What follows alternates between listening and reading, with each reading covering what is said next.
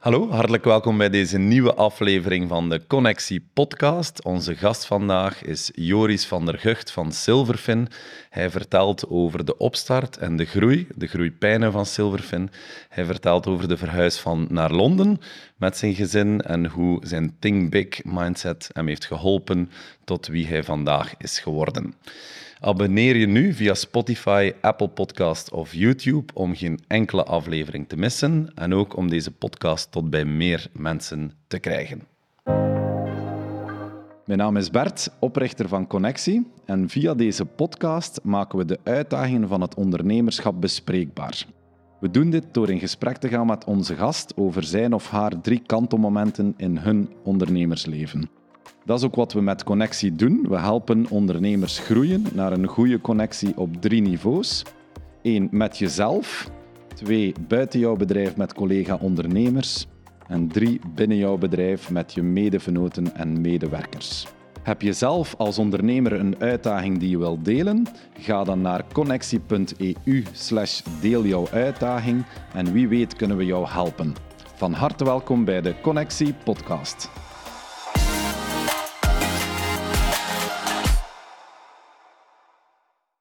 Dag Joris. Dag Bert. Van harte welkom in de Connectie Podcast. Dank u. Hoe gaat het? Heel goed, heel goed. Ja, leuk. Hier in mijn achtertuin, dat is wel leuk. Bijna letterlijk in de letterlijk, achtertuin. inderdaad, dus, leuk. Uh, altijd handig.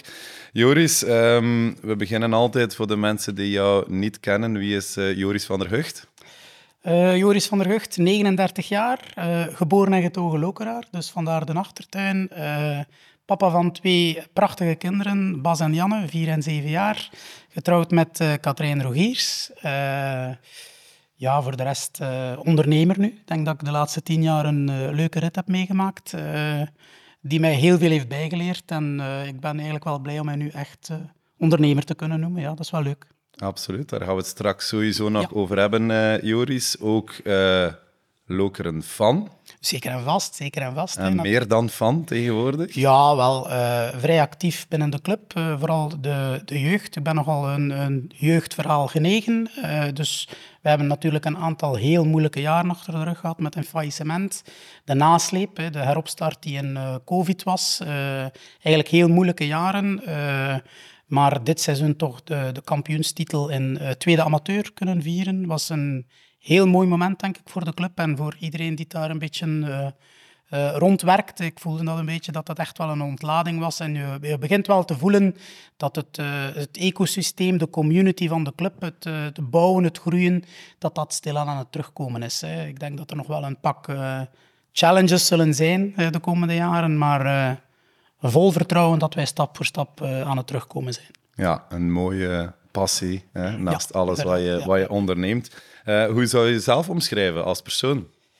Ja, uh, dat is een heel moeilijke vraag eigenlijk. Uh, nog niet te veel over nagedacht. ik denk dat ik een zeer spontaan persoon ben. enorm gedreven in alles wat ik doe. als ik iets doe, dan doe ik het graag goed. als ik er mij versmijt. misschien zelf iets te veel in iets smijten soms in het leven.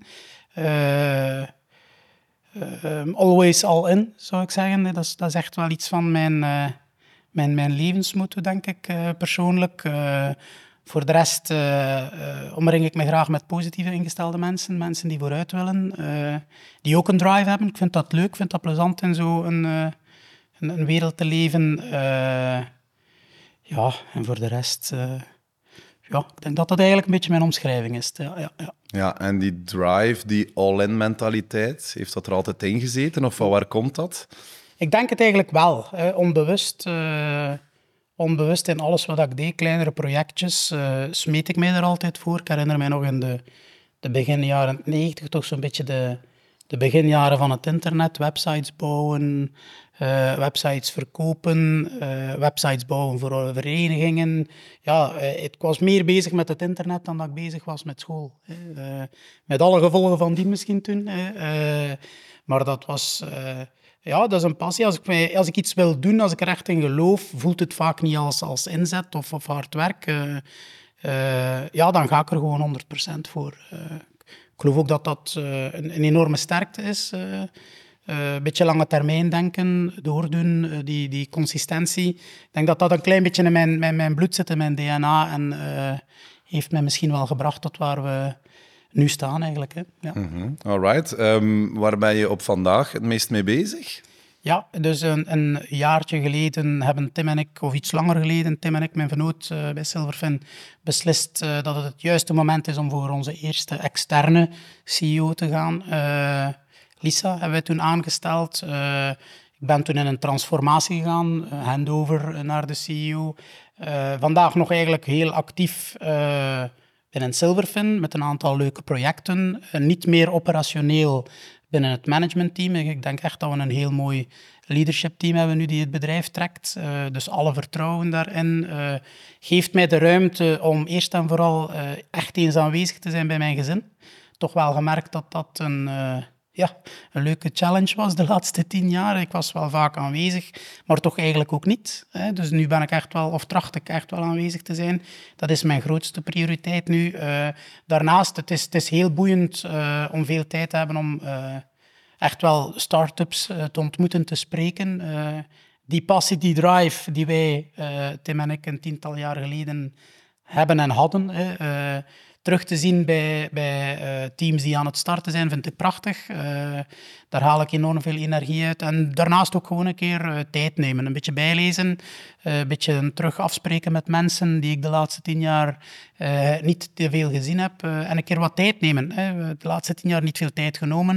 En dat is echt wel, is echt wel leuk. Ik moet zeggen, het is echt wel leuk om een keer uh, tot rust te komen. Hè. Het is echt, ik zei het daarnet, het is heel raar, maar ik heb een periode gehad na de transitie dat ik opstond met stress, terwijl ik niets te doen had. Dat was echt zoiets van, ja, daar, uh, ik moest een beetje bekomen, denk ik. Dat is, uh, een beetje ontwennen. ja, een beetje ontwenning, denk ik. Okay. Allee, niet dat dat een last was, maar zo echt zo van, ja, maar oh, vandaag staan er twee calls op de agenda of een afspraak, maar niet met een, een, uh, een uitvoerende verantwoordelijkheid. Mm -hmm. En dat is eigenlijk wel een verschil. En nu zit ik zo echt wel uh, in een periode dat het leuk is om dat zo echt zo'n keer van bovenaf of van de outside een keer kunnen kijken, standpunt innemen, veel rustiger en doet deugd. Het is echt leuk, ja. Mm -hmm.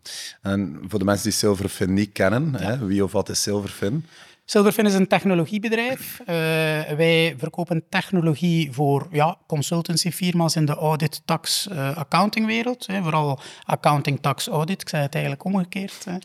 Uh, wat doen wij eigenlijk? Eigenlijk is het heel eenvoudig. Hè. Dat is een beroep, of die beroepen die zijn een volle transformatie. Ze staan vaak ook op nummer één van de beroepen die gaan gedisrupt worden. En wel, wij willen hen technologie geven die ervoor zorgt dat zij van al hun klanten gestructureerde data krijgen, dat zij daar hun workflows, die vaak in de post-accounting zitten, kunnen gaan automatiseren, maar met de doelstelling hun businessmodel te vernieuwen, hè, ze data gedreven te gaan maken. Hè. Het leuke is eigenlijk dat wij iets ontwikkeld hebben dat wereldwijd uh, kan uitgerold worden. Ik denk dat dat een van de, de grootste challenges in de accounting-industrie is, dat het vaak zeer lokaal geënt is. We hebben een technologie ontwikkeld die eigenlijk naar iedere markt kan gaan, of iedere workflow, tax, audit, accounting kan gaan lokaliseren. Hè. Dat is echt wel uniek in de industrie en eigenlijk kunnen we ook wel zeggen dat wij vandaag in die industrie een beetje de, de challenger zijn. We zijn zo zeker niet de grootste wereldwijd, uh, want er zijn toch al een aantal stevige spelers aanwezig, al voor decennia lang.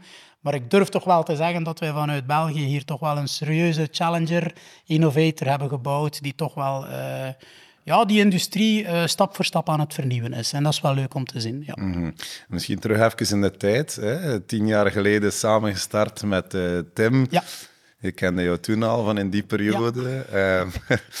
en, en misschien nog even vertellen waarom zijn jullie daarmee gestart? Ja, um, uh, Tim en ik, uh, we, zijn, we zijn bij de Brio's toen, Brio van de VOCA, Bright and Young. wij wouden beiden ondernemen. we kenden elkaar niet. ik was toen actief als consultant bij BDO.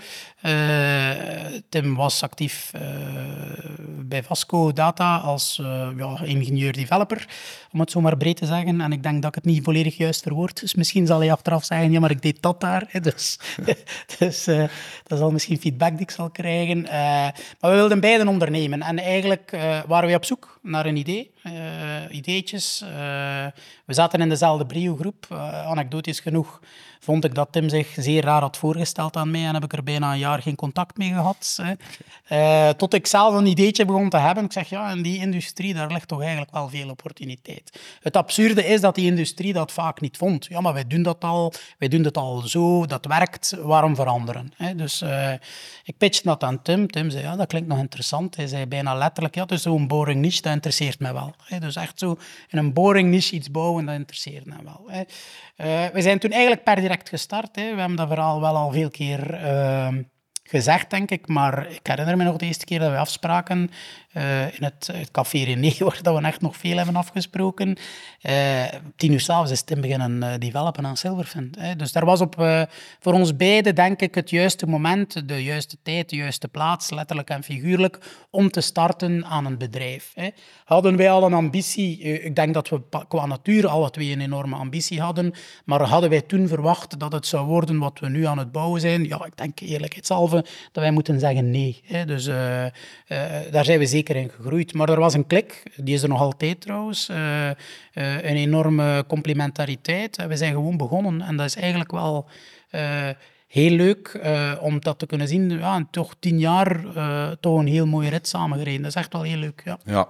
Wat, is, wat is jullie kracht hè? Om, om, van jullie als duo? Jullie zijn tien jaar laat nog altijd samen. Dat is ook een, een, succes te noemen. Wat is de, de kracht van jullie? een enorme complementariteit, denk ik. En ook een, een enorm respect voor elkaar. Hè afspraken die gemaakt uh, zijn, worden nageleefd. Hè. Uh, wij discussiëren heel veel hoor, wij discussiëren heel veel. Ik denk dat we als mens misschien niet verder van elkaar kunnen staan. Hè. Ik denk dat we heel ver uh, van elkaar staan. Ik bedoel dat heel positief, maar ik denk dat Tim volledig anders in het leven staat. Ja, ja, zeker, zeker, zeker.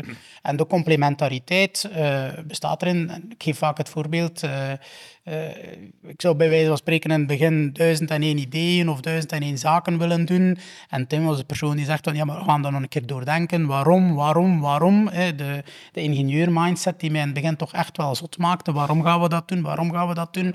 Waarom? Dat is een enorme complementariteit. Uh, Tim geeft een spreadsheet aan Tim, hij zal daar de fouten uithalen. Ik zit zo niet in elkaar. Ik ben meer buikgevoel, groei, zo die zaken. Ja, dat, dat, werkt. Hè, maar het fundament eh, daarvan is echt wel uh, het vertrouwen, uh, ja, de correcte afspraken. Uh, ja, dat, is, dat klikt goed, dat is leuk, dat is echt oprecht leuk. Ja. Super. En, en de Joris van 2013, de Joris van vandaag 2023, hoe is die geëvolueerd?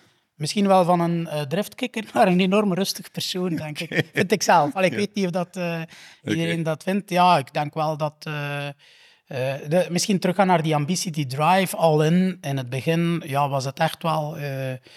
Ja, we hebben echt wel, hoe moet ik dat zeggen, gebonkt, gelijk dat ze zeggen in het begin. Waar dat je toch een paar keer je eigen grenzen opzoekt. De grenzen van je team, de grenzen van mensen. Hè. zowel Tim als ik hadden wel al mensen gemanaged daarvoor, maar nog geen grote teams. Dus je zoekt je eigen ontwikkeling, je leadership-rol. Wie ben je als leider? Ja, je zit eigenlijk in een start-up zoveel facetten zeer snel aan het doen en op extreem korte tijdspannen. Dus ja, uh, ik durf dat grif te zeggen dat uh, ik heus als leider wel enorm heb misschien moeten uh, evolueren. Hè.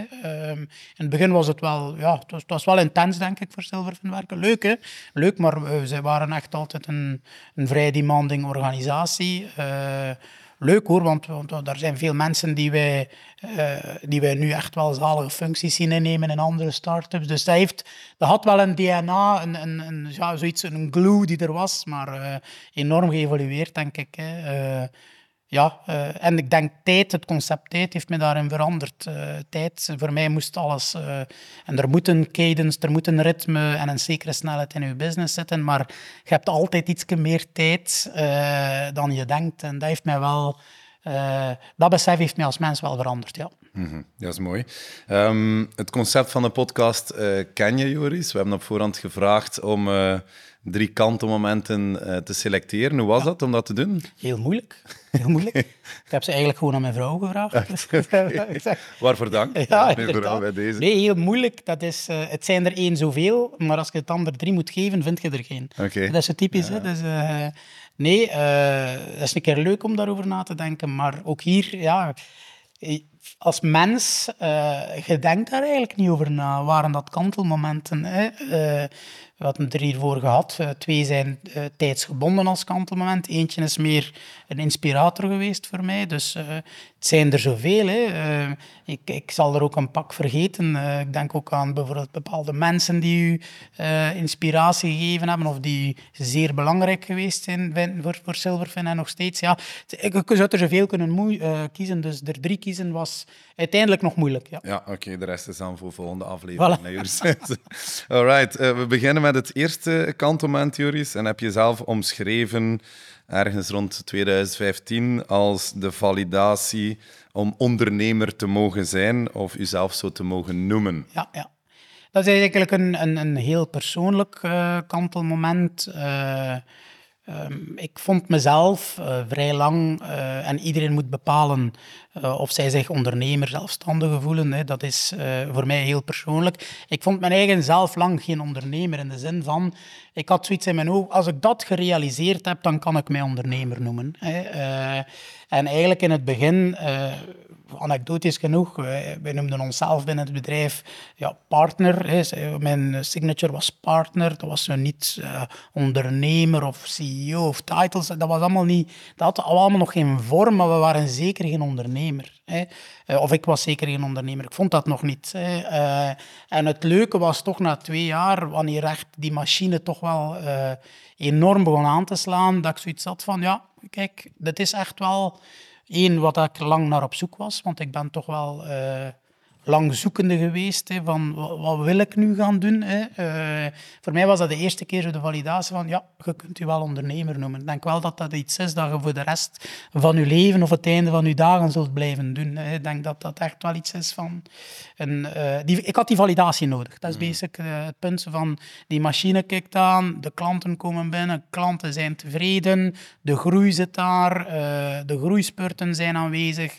Zo van, ja, oké, okay, we hebben hier validatie gedaan, dus wij kunnen iets bouwen, zero to one. En dat mm. is echt wel iets wat mij dat heeft mij wat tijd gevergd, maar dat is heel persoonlijk. En wat is jouw definitie van ondernemen of van ondernemerschap? Ja, dat, voor mij persoonlijk is dat uh, uh, een, een, ja, een, uh, iedereen die echt een, een bedrijf uitbouwt, iets op de markt zet, kan heel breed gaan. dat is een heel goede vraag, maar ook weer een moeilijke vraag, denk ik. Ja, het bouwen en validatie krijgen is voor mij een uh, ondernemer zijn. Uh, ik vind het bouwfacet uh, echt ehm, met uw botten in de modder gestaan hebben. van 0-1 maken, de 0 to 1 waar we het wel eens over hebben. 0 euro, 1 euro maken, een eigen concept valideren. Dat is voor mij ondernemer zijn. Ja. Mhm ook klanten aantrekken, wat vaak ook een moeilijk punt is. Het is een totaal facet ondernemen. Het is, uh, je zet echt alles aan het doen. Opeens is uw carrière van een eh, finance professional tot alles. Hè. Uh, had ik gedacht dat ik uh, nu tien jaar later, bij wijze van spreken, enorm geïntrigeerd door alles rond go-to-market en sales zou zijn. Ja, tien jaar geleden ja, ik wist dat niet, dat mij dat zo zou intrigeren. Maar je moet het zelf beginnen doen. Hè. Je hmm. moet zelf die eerste demo's beginnen doen. Je moet zelf nadenken over een script voor je klant. Ja, oh, wist ik daar iets van? Dat was pure validatie op de markt. Hè. Dus uh, dat is hoe dat wij gestart waren. Uh, dus als ondernemer, zo die, die, die echte zero to one, en ik heb het nu al een aantal keren gezegd, maar je moet het volledige bedrijf en al zijn facetten wel gaan bouwen, hè, from scratch en dat geeft veel energie. Hè. Mhm. Dat is niet zomaar alleen het product, dat gaat rond ja, de, de, facturen tot op die markt zitten, valideren, zeer veel nee krijgen. Ja, vergeet niet hoeveel keer nee dat wij gekregen hebben. Hè. Dat is ongezien. Ik denk dat we het eerste jaar alleen maar nee kregen. Hè. Dus die, die door allee, die persistence en toch geloven, ja, ik weet dat niet, soms noem ik dat een beetje naïef zijn. Wij waren ergens wat naïef, denk ik, hè, want anders ja, ik denk dat er in mijn hoofd zo'n deel was uitgeschakeld, want zoveel nee krijgen, het is niet menselijk. Het is, het is, de meeste haken af. Ja, dat, dat is... Uh... Want je hebt natuurlijk niet gekozen voor de meest makkelijke sector, nee, nee, de accountancywereld. Ja en nee, dat is... Uh... Ja, nee. Zeker in het begin. In Nee, begin nee, nee, inderdaad. Het is een sector die eh, eigenlijk heel hard moet veranderen, Ja. maar het zit niet in het DNA van die sector om te veranderen. Dus dat is een enorm spanningsveld voor, voor die sector zelf. Dus eh, nu nog hoor. En wereldwijd trouwens. Het is niet eh, uniek aan eh, een bepaald land. Dat is overal hetzelfde. Eh, en die sector blijft groeien. Ondanks dat ze moet veranderen, blijft die sector groeien. Er zijn zodanig veel eh, spanningsvelden dat iedereen mee struggelt. Eh, maar in het begin, hoe Bert, eh, hoeveel keer dat ik niet gehad heb, dat de oprichtingsakte geprint op de bureau lag. Wie is Silverfin? Jullie zijn nog maar zo lang op de markt. Wie wil mij zeggen dat jullie er binnen een paar jaar nog gaan zijn? Hè? Zo eh, ongezien eigenlijk. Hè? Eh, ook wel een aantal early adopters, waarvoor eeuwige dank. Die wel zeer snel op de kar sprongen en het wel zagen. En waar dat we echt heel nauw hebben samengewerkt. Hè? Eh, en dat was vaak de, de tandem waar Tim kwam. Hè? Van zodra dat de klanten daar waren, was Tim bijna dag en nacht bezig om die klanten succesvol te maken. Hè? Dus dat zit echt wel... eh, die fundamenten die we nu zien, die zitten echt wel in het DNA van ons bedrijf. Hè? Maar ja, niet de makkelijkste sector, maar eh, wel eens je een zekere lo- loyaliteit gebouwd hebt met hen. Hè. Dan, ja, eh, wij geven nu jaarlijks ons fast forward event eh, in de Flanders Expo. Als je 800 of een kleine duizendtal mensen mocht verwachten daar, ja, dan denk ik wel dat we eh, iets gevalideerd hebben. Ook hier. En dat is wel het heel dankbare aan die sector. Hè. Je krijgt ook zeer veel terug, zeer veel input, zeer veel ideeën, zeer veel ja, directheid. en, en, en ja, dat is wel een, ergens wel een mooie industrie om in te zitten dan. Maar het, het, het, het klant worden principe in de industrie, dat is eh, niet zo evident. Zeker in het begin, ik herinner mij nog, we zijn eh, ooit ergens in, het in eerste jaar gaan eten aan de watersportbaan in Gent. En hij mij vroeg van Bert, ik werkte toen ook in de accountancywereld, hoe komt dat toch, ik raak niet binnen, ik raak niet binnen. Ik zeg, Joris, doorzetten, blijven, blijven erin geloven, maar je zit er blijven in geloven. Ja, ja dat, is, eh, dat is een beetje... er zijn een aantal facetten samengekomen voor mij. Op die moment heb ik daar niet bij stilgestaan. Ik herinner mij nog dat wij een adviesraad gehad hebben. En ik heb, eh, ben er lang heel kwaad op geweest, maar eh Connie van Driessen zei van... Joris, je verkoopt niets.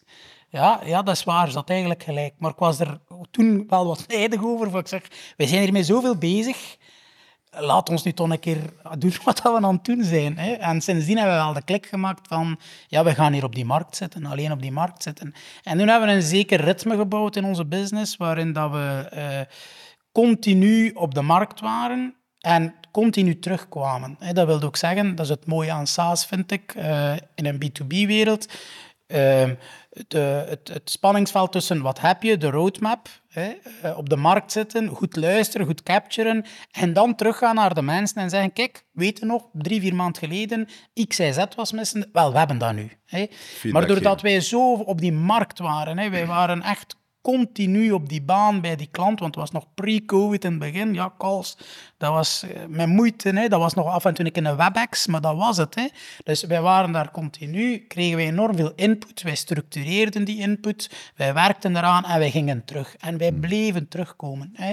Ehm, nu nog, hè, als ik nu, nu nog eh, nieuw business in België bijvoorbeeld, als je ziet namen die wij tekenen, dat ik zelf denk, ik ben daar ook nog geweest. Hè. Of XYZ is daar dan ook nog geweest. Zoveel dat jaar is, terug al. Ja, ja, ja, dat is enorm... eh, ja, dat, dat ritme, dat, dat vond ik zelf een van de, de, de, de, de boeiendste momenten in het begin. Zo van, ja, continu bij die klant, continu babbelen, luisteren. En dat momentum in het bedrijf, als je voelt dat dat begint te klikken, ja, dat vond ik magnifiek. Dat is enorme adrenaline. Dat is die groeispurt die wij toen, of die groeispurten die we toen in die eerste jaren hebben meegemaakt, ja, die waren ongezien daardoor. Dat was echt... Die adrenaline, eh, hopelijk misschien, eh, misschien en hopelijk, twee woorden die daarbij belangrijk zijn, wil ik dat wel nog een keer meemaken. Dat Ja. is, eh, En, en zo, waar raad je SaaS-bedrijven nog aan, zo die eerste twee jaar, wat toch wat cruciale jaren zijn? Wat zijn nog dingen dat je, dat je wil meegeven? Er zijn zeer veel facetten veranderd. Hè, en ik heb enkel in de B2B SaaS-wereld gezeten, maar eh, pure marktvalidatie gebeurt, productvalidatie gebeurt op de markt. Hè. Breken door te groeien is vaak belangrijk. Dat is mijn eigen visie, hè. die kan vaak eh, verkeerd zijn, sorry. Maar mijn eigen visie is dat je echt pas vooruit gaat, hoe straightforward en hoe simpel het klinkt, maar veel start-ups zijn met te veel bezig. Het moet breken bij de klant. Hè.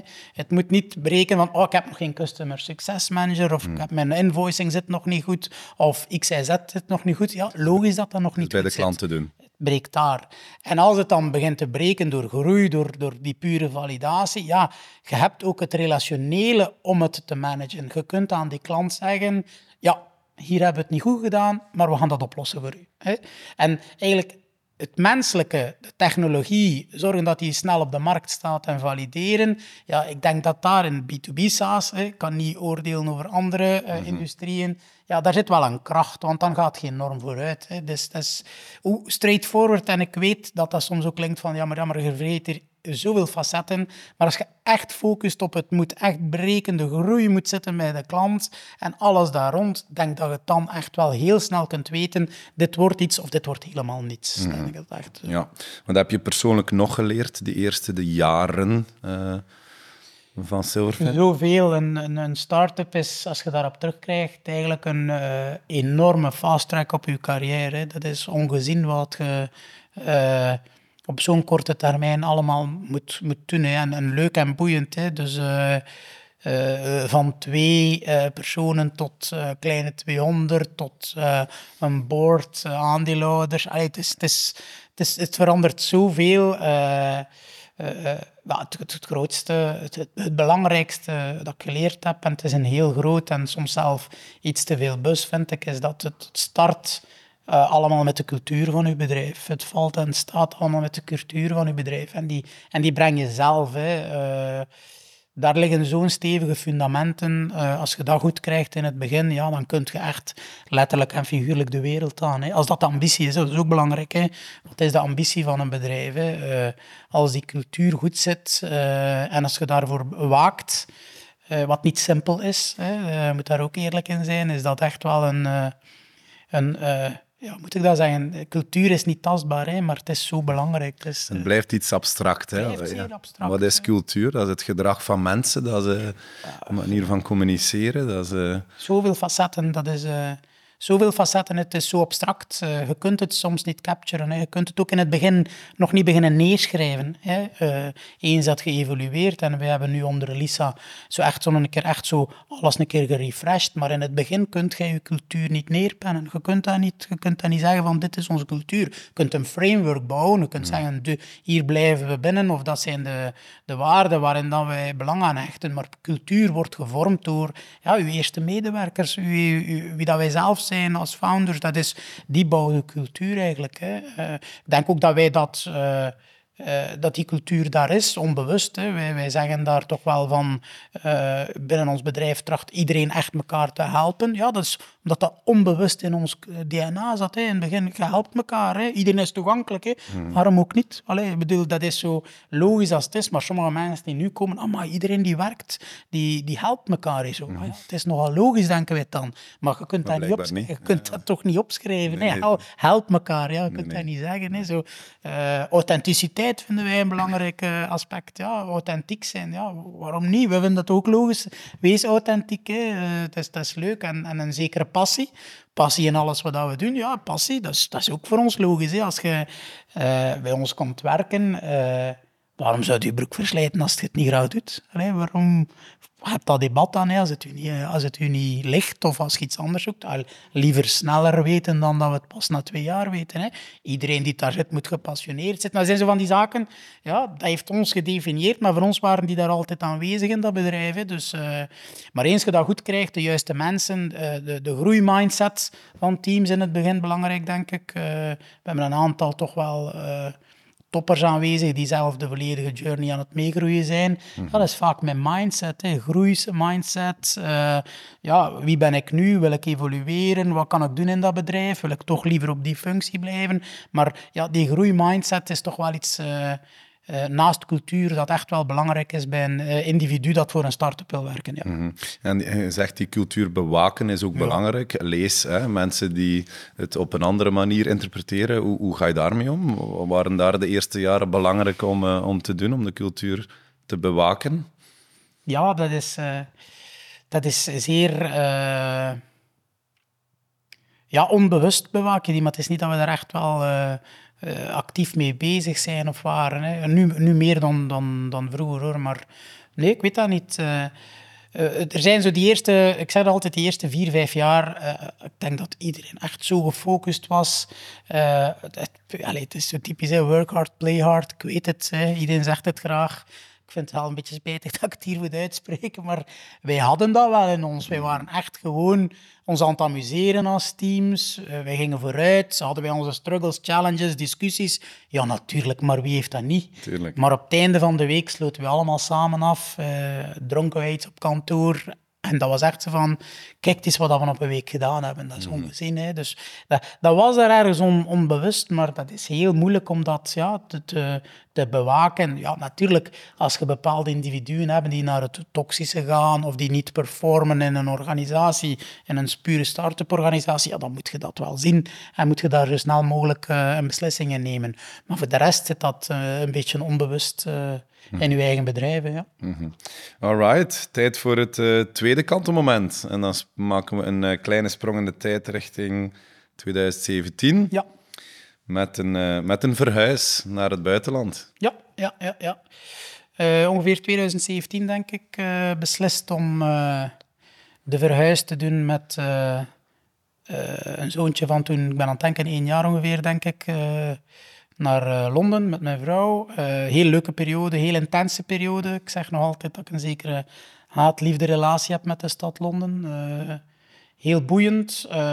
was de ambitie, is de ambitie om daar onze internationale hub uit te bouwen. Toen eerder in de optiek van er is weinig, toen uh, weinig SaaS, uh, sales experience uh, in België aanwezig en puur naar internationaal werden we een beetje naar Londen ge, geduwd. Het was heel leuk. Het was eigenlijk terug weer opstarten from scratch. Het was een heel leuke dynamiek. Ehm, wat ik daar heel boeiend in vond, dat het bedrijf op een gegeven moment ja, echt zo hard aan het groeien was, maar dat je daar eigenlijk met een dynamiek zat die from scratch moest bouwen. Dus je zat echt in een, bijna als een start-up in je eigen start-up. Mhm. Dat was echt zoiets uh, uh, boeiend. Uh, ondanks dat dat maar drie uur is door-to-door in Londen. Ja, je cultuur gaan bouwen, mensen gaan hiren, kantoor zoeken, hè, alles erop en eraan, administratief starten.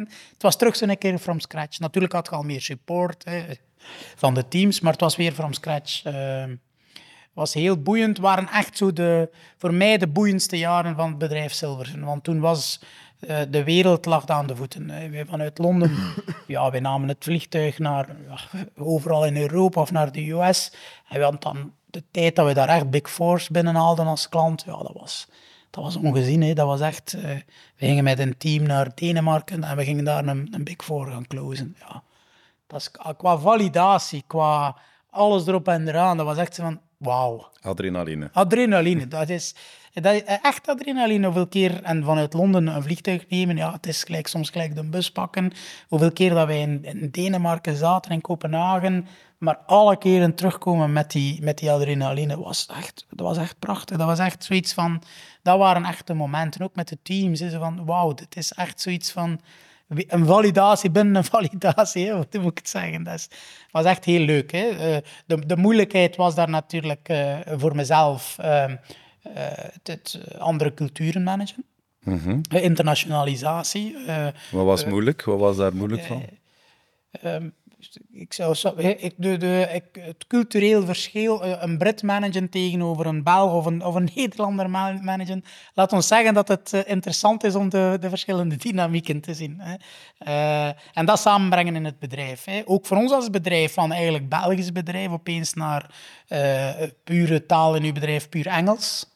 Ja, we spreken allemaal Engels, maar ook niet. Hè. Dat is zo altijd wel wat zoeken. Hè. Dus op een gegeven moment had je uh, eigenlijk als je met een pure Brit gaat discussiëren in je bedrijf en je moet als uh, niet-native speaker uh, debatteren over een belangrijk topic, ja, per definitie start je met een achterstand. Hè. Dat, is, dat is interessant om dat, om dat mee te maken.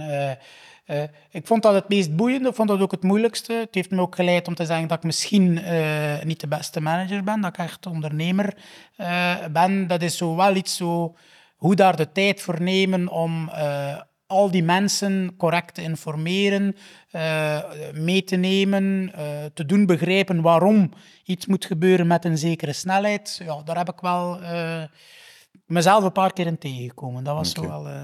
Maar je hebt u de vraag gesteld, ben ik nu een manager of eerder een ondernemer in die periode? Ja, ja, ja, ja, ja, ja, ja, ja, toch wel, ja. Dus, ja. uh, maar je zit zo hard en intens in je business bezig en heel leuk hè? En, en heel dankbaar voor die, uh, voor die rit hè? Uh, de laatste tien jaar. Um, maar je zit zodanig in een journey dat je die vraag op die moment zelf eigenlijk niet bewust stelt. Mm. Hè? Dat is zo, um, maar, maar, het leukste was daar ook die, die verschillende, ja, die internationalisatie client-facing zijn bij Big Fours in de UK tegenover Scandinavië, US. De verschillen dat je begint te leren te zien, ook van hoe mensen kopen van u, was ook interessant. Hè? Ik herinner me nog de eerste keren dat ik uh, vanuit België nog naar de UK ging, om daar in Londen wat kantoren te gaan bezoeken. Belden altijd naar Tim. Ik zei, ja, dat komt hier in orde. Het is allemaal goed, zeggen ze hier. Ja, tot als ik terug moest bellen, niemand pakte nog zijn telefoon op. Dat, was dat is oké, interessant. Die mensen die zullen altijd zeggen super, maar uiteindelijk gaan ze hun mening nooit zeggen. Zo, zo, terwijl in Nederland, na vijf minuten zou je het weten, zeggen ze wel, goed of slecht, en je zou het mhm. weten. De, zo, die, die learning was ook zo wel interessant om zo, zo mee te maken, moet ik zeggen. Uh, en, en dat trachten in een framework te gieten, dat werkt voor je bedrijf, dat iedereen dat ook begrijpt, is ook iets waar dat je uh, duidelijk moet over communiceren. Hè. Mm. bedrijven in verschillende snelheden. Hè.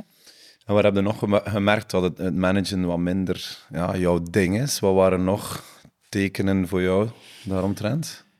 Ja, als, als een bedrijf groeit, natuurlijk, uh, ik vind dat je eigenlijk uh, alleen maar meer manager wordt hè, uh, in je bedrijf. En iedereen moet bepalen waar, waar hij of zij het meeste energie van krijgt, maar ik krijg veel energie uh, als ik bij wijze van spreken, al dan niet client-facing of bezig ben met de klant. Mm -hmm. Ik krijg minder energie als ik bij wijze van spreken mijn agenda vol staat met interne meetings, management, structurering. Minder. Ik doe dat graag, maar als ik daar echt de keuze in moet maken, dan zal ik wel iets anders kiezen. Hè. Mm Ik wil echt wel, ik heb het al gezegd, zo, uh, botten aan, uh, de modder in en oké, okay, we gaan dat hier oplossen. Hè ik heb gemerkt dat, uh, dat dat een heel moeilijk spanningsveld is. Uh, misschien is dat heel persoonlijk. Van in uw hoofd is een probleem al opgelost.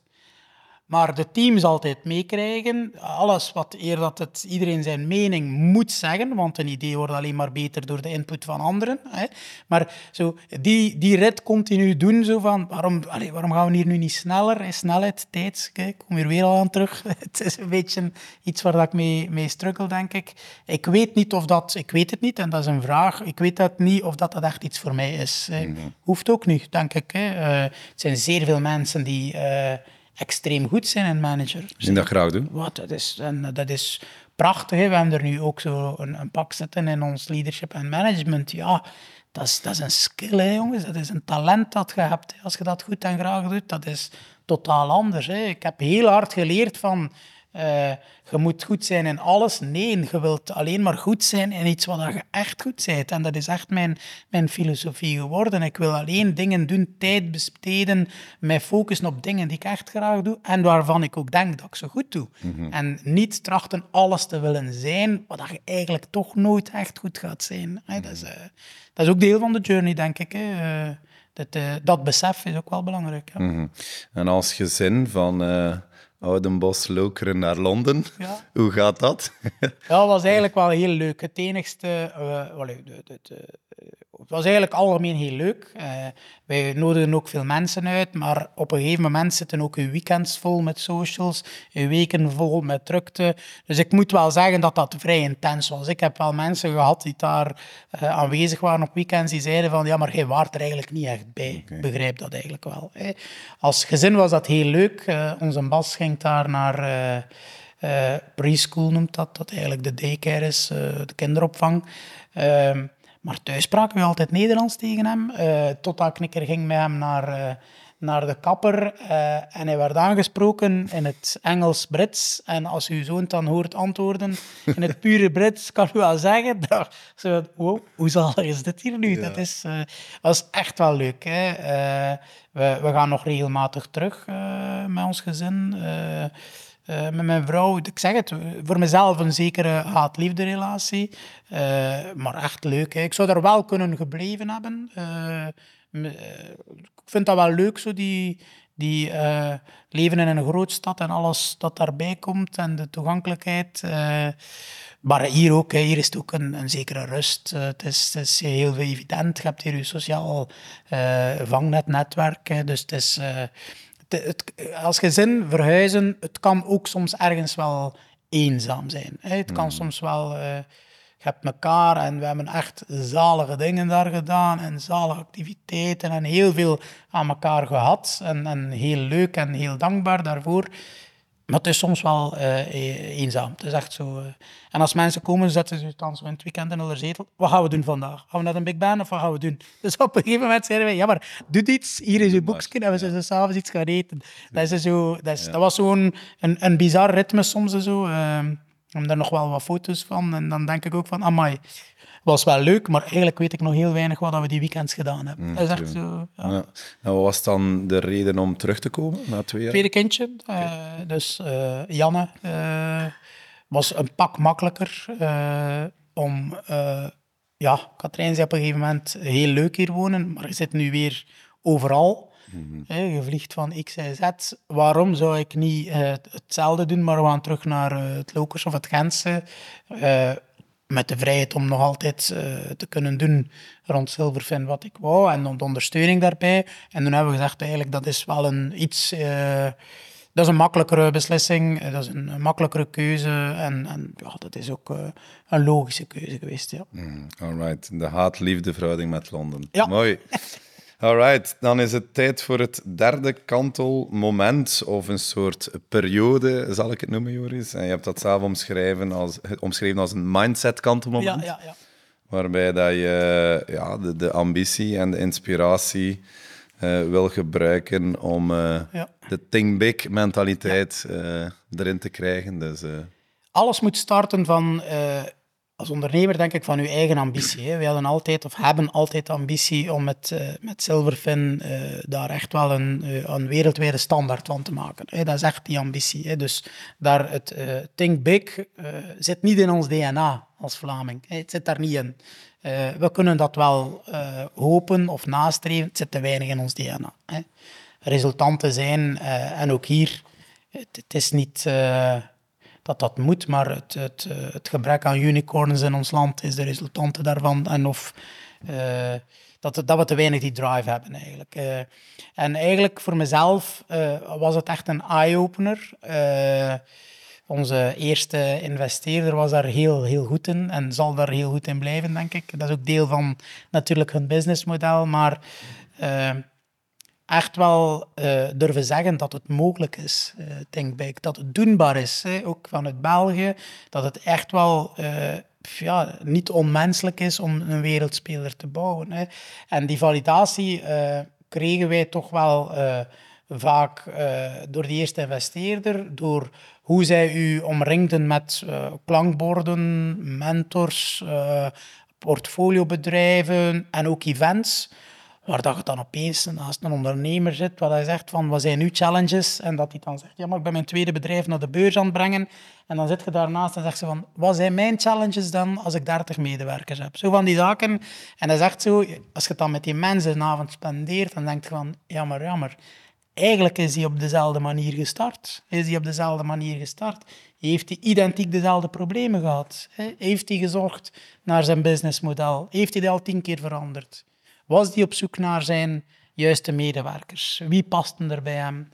Was die aan het nadenken van hoe snel kan ik dat hier internationaal krijgen? Dus eigenlijk, die challenges zijn identiek. Dus waarom is het dan niet mogelijk? Dus uh, heeft mij toen wel, en dat is, dat is ook heel persoonlijk, zo echt gedacht van, verdorie, het is echt wel mogelijk. Hè? Het is echt wel mogelijk. En... Uh, uh, dat zijn ook de inzichten die wij nu de laatste tien jaar hebben vergaard. En ik denk dat meer en meer het, het uh, technologie-ecosysteem hier misschien vooral in het Gentse, want we mogen daar best wel fier op zijn wat er allemaal in het Gentse is gebeurd, zijn er wel meer en meer mensen die daar de tijd voor nemen om dat aan uh, de nieuwere generatie start-ups direct te gaan, gaan bijleren. En dat is wel boeiend, hè, die think big. Hè. Nog een keer, het moet uw eigen ambitie zijn. Hè. Er zijn heel veel mooie bedrijven die lokaal graag snel groeien of die een andere visie hebben. Uh, en dat zijn ook allemaal uh, bedrijven die geleid worden door schitterende ondernemers, maar die pure think big mentaliteit, uh, die, die adrenaline nog een keer die erbij komt en dat het mogelijk is, is echt wel een mindset. Mm -hmm. is mhm. echt wel een mindset. En hoe belangrijk is dat er, dat er mensen rondom u zijn die het ook geloven? Want ik hoor u zeggen van ja, het is belangrijk dat mensen dat uitspreken, ja. hè, die in u geloven. Ja, komt eigenlijk terug tot dat, uh, ondanks dat we bedrijven bouwen, dat het toch altijd over het menselijke gaat. Het gaat puur over het menselijke. Uh, en dat geloof, ja, dat is... Ook dat is, is gelijk cultuur iets heel ontastbaar. Hè? Dat mensen zeggen van, ja, maar dat is mogelijk door die setup. Hè? Jullie kunnen dat, dat is iets... Ja, dat is een enorme booster voor je bedrijf. Dat is ook vertrouwen uitspreken. Vertrouwen. Dat is... Anders waren wij eigenlijk nooit zo zot geweest, hè? want je moet zeggen dat is, om te gaan zeggen, we gaan hier een keer het vliegtuig pakken met een team, we gaan vijf, zes landen bezoeken, alle Big Fours, en we gaan een keer gaan luisteren. We zouden dat nooit gedaan hebben. Moest niemand dat uitgesproken hebben? Nee, ja. allee, je zou dat wel gedacht hebben. Ja, maar we gaan dat nog wel een keer doen. Maar dat echt zeggen van kom, we gaan een keer de wereld letterlijk en figuurlijk gaan veroveren. Ja, dat, is, dat start van een zeker geloof. Dat start van een mindset. Dat start van think big. Maar ze van, oké, een beetje van, waarom niet? Waarom zou het niet lukken? En ik vind dat iets heel boeiend. Ik vind dat... Uh, uh, eh, dat is eigenlijk heel boeiend dat dat puur start bij het menselijke, zoals ik zeg. Waarom niet? Waarom zou dat niet kunnen? En daar denk ik als Vlaming zijn we toch altijd een beetje uh, zo van, ja, wacht nog even, we gaan eerst dit in orde brengen voordat we dat doen. Hè. Gaat een beetje terug tot wat ik daarnet zei. Hè. Ik, voor mij gebeurt bij een start-up, het, als het breekt door de groei, dan zit het goed voor mij. En vandaar dat ik dat ook belangrijk vind. Hè. Heeft daarmee te maken... daar start het mee. En dat is de think big mentaliteit. Hè. We zijn iets te bescheiden daarin om te gaan zeggen: van, ja, maar eerst dat afwerken, dan gaan we het pas op de markt zetten. Ja, nee, hè, dat is. Uh, allez, het moet natuurlijk kwaliteit leveren, maar je kunt wel een zekere snelheid en een think, big mentaliteit sorry, bouwen door echt op die markt te, te, te, gaan focussen. Hè. -hmm. En um, mindset, hoe belangrijk is mindset nog? Of wat zijn nog belangrijke mindset aspecten? Om eigenlijk ja, te komen waar dat jij zegt geraakt? Oh, mindset. Uh, uh, het is misschien niet mindset, maar uh, en ook hier terug tijd. Ehm, ik denk als ondernemer, als je de, de balans vindt tussen korte termijn en lange termijn. En bijvoorbeeld een probleem hebt en je weet van ik heb daar drie, vier kwartaal voor nodig, maar de mindset om dat consistent en doortastend uit te gaan voeren, ondanks dat mensen rond u of teams zouden zeggen van wow, ik zie het niet. Ja, ik denk dat dat een hele belangrijke mindset is. Hè. Dus korte termijn ge, gecombineerd met een zekere consistentie, lange termijn denken, geloof daarin. Uh, denk dat dat echt wel, en dat is een zekere naïviteit noem ik dat altijd, want ergens moet je een beetje zot zijn als ondernemer dan, om te geloven van als ik nu X en Z voor drie jaar, dan gaat hij gebeuren. Ja, het, is toch een uniek beest, hè, een ondernemer daarin. Dat is toch voor mij echt wel, uh, dat, is, dat, is, voor mij... Uh, uh, een van de belangrijke mindset. Die persistence, dat is denk ik echt zo... Veel te veel mensen haken iets te vroeg af. Mhm. Als het goed gaat worden, ik uh, had het geluk om uh, een keynote van Dries Buitaert te horen. Hij zegt altijd, ja, goede dingen gebeuren zo rond na acht jaar. Zo, dan begint het zo. Ja, maar lacht, maar dat is, dat is een, dat is, er moet wel wat gebeuren hè, daarvoor. Dat is, en ik denk dat hij daarin gelijk heeft. Het, het vergt een zekere consistentie als mindset om uh, een zeker succes te realiseren. Hè. En vaak in deze tijd moet ook allemaal snel gaan. Je moet uh, snel weten of het, het kan. En na een jaar stop ik ermee of ik doe door. Maar op een jaar weet je eigenlijk nog, nog niks vaak. Hè. Allee, iedereen die het na een jaar weet en succesvol doet, alle succes en proficiat. Ja. Maar de gemiddelde mens zal dat niet weten na een jaar, denk ik. Hè. Dus uh, dat als mindset vind ik wel belangrijk. Ja. ja. En je had daarnet al gezegd, ik ben uh, heel gedreven, all in, uh, een beetje ongeduldig ook. Ja. Wat brengt jou tot rust? Wat zijn de dingen die jou, uh, die jou tot rust of kalmte kunnen brengen? ik heb eigenlijk niet zo'n probleem om te, de, snel te deconnecteren, denk ik. Ik kan ook letterlijk en figuurlijk de laptop wel toedoen en, en rust brengen. Ja, thuis geeft mij rust. dat is, we nemen dat altijd voor granted, maar dat is toch een belangrijk facet. Ehm, ehm, ik luister graag, en dat gaat heel breed, naar verschillende muzieksoorten kan heel breed gaan, maar geeft mij een zekere rust, geeft mij een zekere mindset. Waar dat ik niet mee gezegd ben dat ik een uh, muziekkenner ben, zeker niet. geeft mij rust. Ehm, en nu de laatste tijd toch meer en meer ook ja, de tijd nemen om wat bij te lezen. Maar echt lezen. Niet zomaar een keer wat artikeltjes of ze een keer snel een keer iets lezen, maar echt een keer volledige, uh, volledige boeken, want vaak is dat inhoudstabel en een keer snel daardoor. Ja, dat geeft mij wel rust. Ja, mhm. dus, uh, Welk boek is jou bijgebleven onlangs dat je hebt gelezen? Of, Het is heel interessant. Het is een, Phil Robinson, de, de roer ehm, oprichter, allee, CEO van Iris en Exact geweest, heeft een Europees netwerk, Boardwave in technologie gebouwd. En ik zit in een, een groep met, samen met vooral Nederlandse ondernemers. en dat is heel interessant, ook daar heb ik veel te, veel, te weinig tijd voor genomen de laatste jaren om zo een keer te, te connecteren met like-minded people.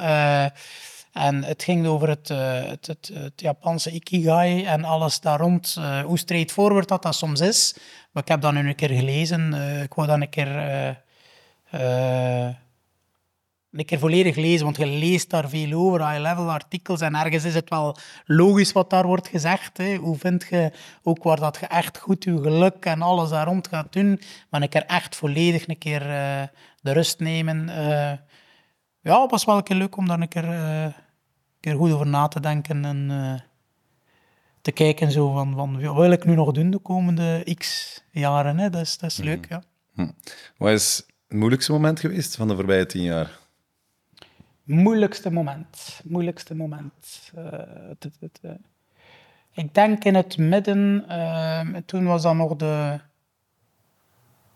Het moeilijke, ik ga het omschrijven als volgt. dus ik denk dat je als founder, ondernemer eigenlijk enkel goede intenties hebt. Hè? Waarom zou dat anders ook doen, je bedrijf starten? Hè? Uh, en je doet dat met volle passie, met volle uh, persistence, zoals we aan het zeggen waren, uh, met vol geloof, soms naïef. Maar als je dan in een fase zit waar het mensen zijn binnen je team, die misschien uh, waren of waar dat geen juiste fit was voor hen. Dat kan allemaal gebeuren. Maar als dat ongeloof er is uh, en als die personen dat moeten als het ware uitwerken, uh, dan is dat toch wel een moment geweest waar ik dacht van oké, maar dit is nooit mijn bedoeling geweest. Hè. Ik kan me zeker discussiëren, maar het is niet de bedoeling dat je dat uitwerkt of via een zeker ja, toxische omgeving moet beginnen uitwerken. Hè. Dat is voor mezelf toch wel geweest dat ik zei van, hm, dat is nu wel een fase waar ik van denk van, ja, maar zo wil ik het niet en zo moet het ook niet voor mij. En dan heb ik mhm. wel een keer, een keer op een avond, en, en ik naar Tim ook wel zeg, ja Tim, maar zo, nee, zo, zo is het niet voor mij. Dan, dan, dan mhm. krijg ik geen energie van en dat is iets waar dat ik... Uh, uh, ja, dat is echt wel iets waar ik een keer uh, een stapje terug moest zetten en zeggen van, oké, okay, hoe komt dat nu? Wat leer ik hier zelf nu uit? Want dat is niet iets wat ik nog uh, een tweede keer wil meemaken eigenlijk. Mm -hmm. Vooral omdat je het niet, moest je nu nog zeggen, je hebt bewust of je bent ermee bezig of je bent, nee, waarom zou je dat doen? Het is, uh, je wilt dat iedere medewerker uh, of iedereen die zich iets of wat verbindt met je bedrijf het graag doet, hè, dat hij er graag mee bezig is, plezier in heeft. Hè. Het leven is te kort, hè. waarom zou je ook dan niet op je job gewoon plezier hebben? Hè? Dat is zo belangrijk. Hè. En dat was een moeilijke periode, ja. ja. Mhm. En zijn er dingen waar je spijt van hebt? Eigenlijk, dat is, uh, ik ga er over de laatste. Uh, spijt, nu, ik denk dat ik, uh, mijn, mijn, mijn eigen managementstijl uh, een beetje moest bijgeschaafd worden in het begin. Dat ik soms wel een zekere directheid had. Ik denk dat dat spijt is. Dat is moeilijk, hè? spijt, ja, nee. Maar anderzijds heeft het ons wel gebracht misschien tot waar dat we nu staan. Dat is heel moeilijk. Hè? vind ik, ik weet dat niet.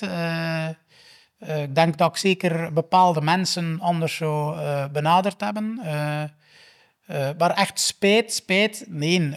Ja, ondernemen is ook een beetje vallen en opstaan en eigenlijk heel veel met falen geconstateerd worden en, en doordoen, maar het is net die grens die je altijd opzoekt. Hè. Je wilt weten of iets werkt of niet, dus voor mij is dat niet echt spijt, dan, je weet het tenminste als iets niet werkt. Hè. Dus het is niet echt dat dat met spijt te, te, paard gaat, moet ik zeggen. Mm -hmm.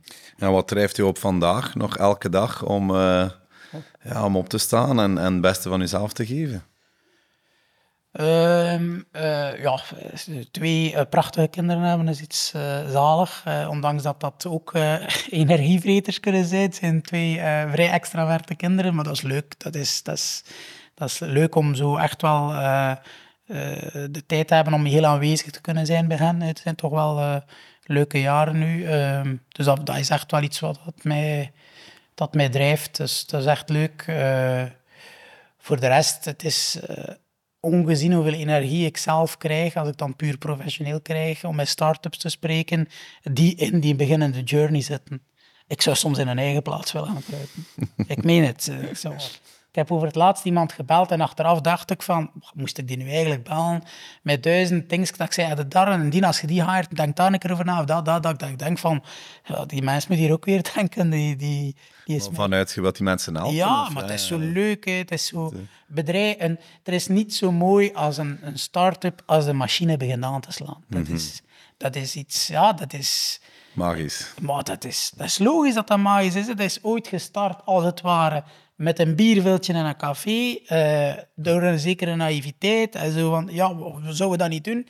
Dan moet dat gevalideerd worden. We hebben dit al veel gezegd. Er zijn nog veel vragen op te lossen. En als je dan ziet dat dat wordt, uh, ja, dat, dat klanten zeggen, dat is wat ik nodig heb al jaren mis. En als je dat kunt doen draaien, ja, dat is, dat is ongezien. Hè. Dat, is, uh, dat, is, dat is, ja, ik denk dat dat echt wel dat doe ik graag. Dat is echt wel leuk. Mm. Wat is vandaag jouw grootste challenge? Grootste uitdaging? Uh, grootste uitdaging? Um, er zijn er misschien twee. Uh, het ene is uh, Silverfin gerelateerd. het andere is eerder persoonlijk. ik zal starten met het persoonlijke. Ehm, het, het, is, uh, het is, zijn tien jaar. Ik heb nog nooit iets langer dan tien jaar gedaan. Hè. Uh, ik ben nu nog altijd heel actief. Hè, maar het is zowel met, met Lisa aan te stellen een andere periode uh, binnen Silverfin. Ehm, het is, ik weet niet of ik nog een, iets zou kunnen met dezelfde intensiteit. Ik weet mhm. het niet. Het is echt een vraag. Dus ik ben mij er echt zo van aan het nadenken wilt je dat nog, kunt je dat nog, of wat zou je anders doen? Twee, dat vraagstuk, wanneer zal ik dat opgelost hebben, daar geef ik mezelf de tijd voor. Mm dus daar denk ik veel over na. Ehm, daar spreek ik veel met mensen over en, en, dat is, vind ik echt wel boeiend om daarover na te denken. Het tweede is echt Silverfin gerelateerd. Het is... Uh, ik, ik, heb geen enkel probleem als mens om allez, taken te delegeren of verantwoordelijkheden uh, aan mensen te geven. Hè. Dat komt bij mijn tweede, uh, misschien had ik dat moeten zeggen, ik ben per definitie een lui mens. Dus ik zoek altijd iemand, iets dat dat kan beter doen of kan, mm -hmm. uh, kan, ik, kan, kan ik die verantwoordelijkheid overgeven. Hè. Misschien soms iets te snel, maar dat is een andere discussie. Maar dat is Vandaag heb je tien jaar in dat bedrijf gelopen, je voelt dat bedrijf als je binnenkomt. Dat is iets absurd, hè? je ademt dat bedrijf. En eigenlijk van een uh, zeer operationele rol naar een niet-operationele rol, waar dat ik geen enkel probleem mee heb, maar wel nog alles voelen, ademen en het juiste moment vinden om toch iets te gaan zeggen hè, aan dat leadership. Van, ik denk niet dat dat klopt, mhm. maar ook denken van, ja, maar zij zullen dat eigenlijk wel zelf oplossen, want er zijn slim genoeg mensen. Zo. Dat is zoiets van, ja, dat is mhm. een challenge. Zo. Dat is, en hoe dat te communiceren. Hè? Uh, want je wilt die mensen zeggen van, ja, top bezig, maar... dat is een beetje... Feedback geven. En je weet eigenlijk niet of dat die maar altijd gegrond is. Hè? Dat is ook mhm. zoiets. Hè? Maar je wilt dat toch wel zeggen. Hè? Uh, dat is zo... Ja, dat is wel... Uh, ik denk dat dat uh, een, een, challenge, maar een uh, challenge waar ik zeer dankbaar voor ben. Mm -hmm. uh, want dat is prachtig om te zien hoe dat, dat bedrijf, ja, dat dat echt draait, alles erop en eraan, dat mm -hmm. mensen daar echt ook die energie uithalen dat je eigenlijk wilt. En dat je daar eigenlijk heel weinig impact uh, op moet maken. Dat is, dat is, het meest dankbare wat, er, uh, wat je als ondernemer kan hebben, denk ik. Mm. En vanuit Connectie geloof dat het belangrijk is om die uitdagingen te delen hè? Met, met andere ondernemers. In hoeverre ben jij iemand die dat kan ergens neerleggen bij collega's of wat dan ook? Of hoe doe je dat? Veel te weinig gedaan. Hè? Okay. Uh, ehm, veel te weinig gedaan, omdat je zodanig bezig bent met... met je eigen journey, denk ik. Eh, en als het rond komt, nu tracht ik dat wel meer en meer te doen. Maar ook hier is de moeilijkheid van, uh, ja, is het waardevol genoeg om dat te delen met uh, een, een ander ondernemer? Daar feedback op krijgen vind, is, is ook wel leuk, maar ik, ik, ik, neem nu de tijd om mij echt heel veel start-ups te spreken. En ja, ik, ik, kan alleen mijn ervaring delen. Ik zeg dat ook, ik kan enkel mijn ervaring delen. Maar ik denk, ik zei zet. Hè. En uh, het is aan die mensen om te gaan zeggen, ja, ja, daar doe ik iets mee of daar doe ik niets mee. Hè. Mm -hmm. uh, maar eigenlijk de laatste uh, tien jaar veel te weinig gedaan. Nu wel. Hè, nu wel.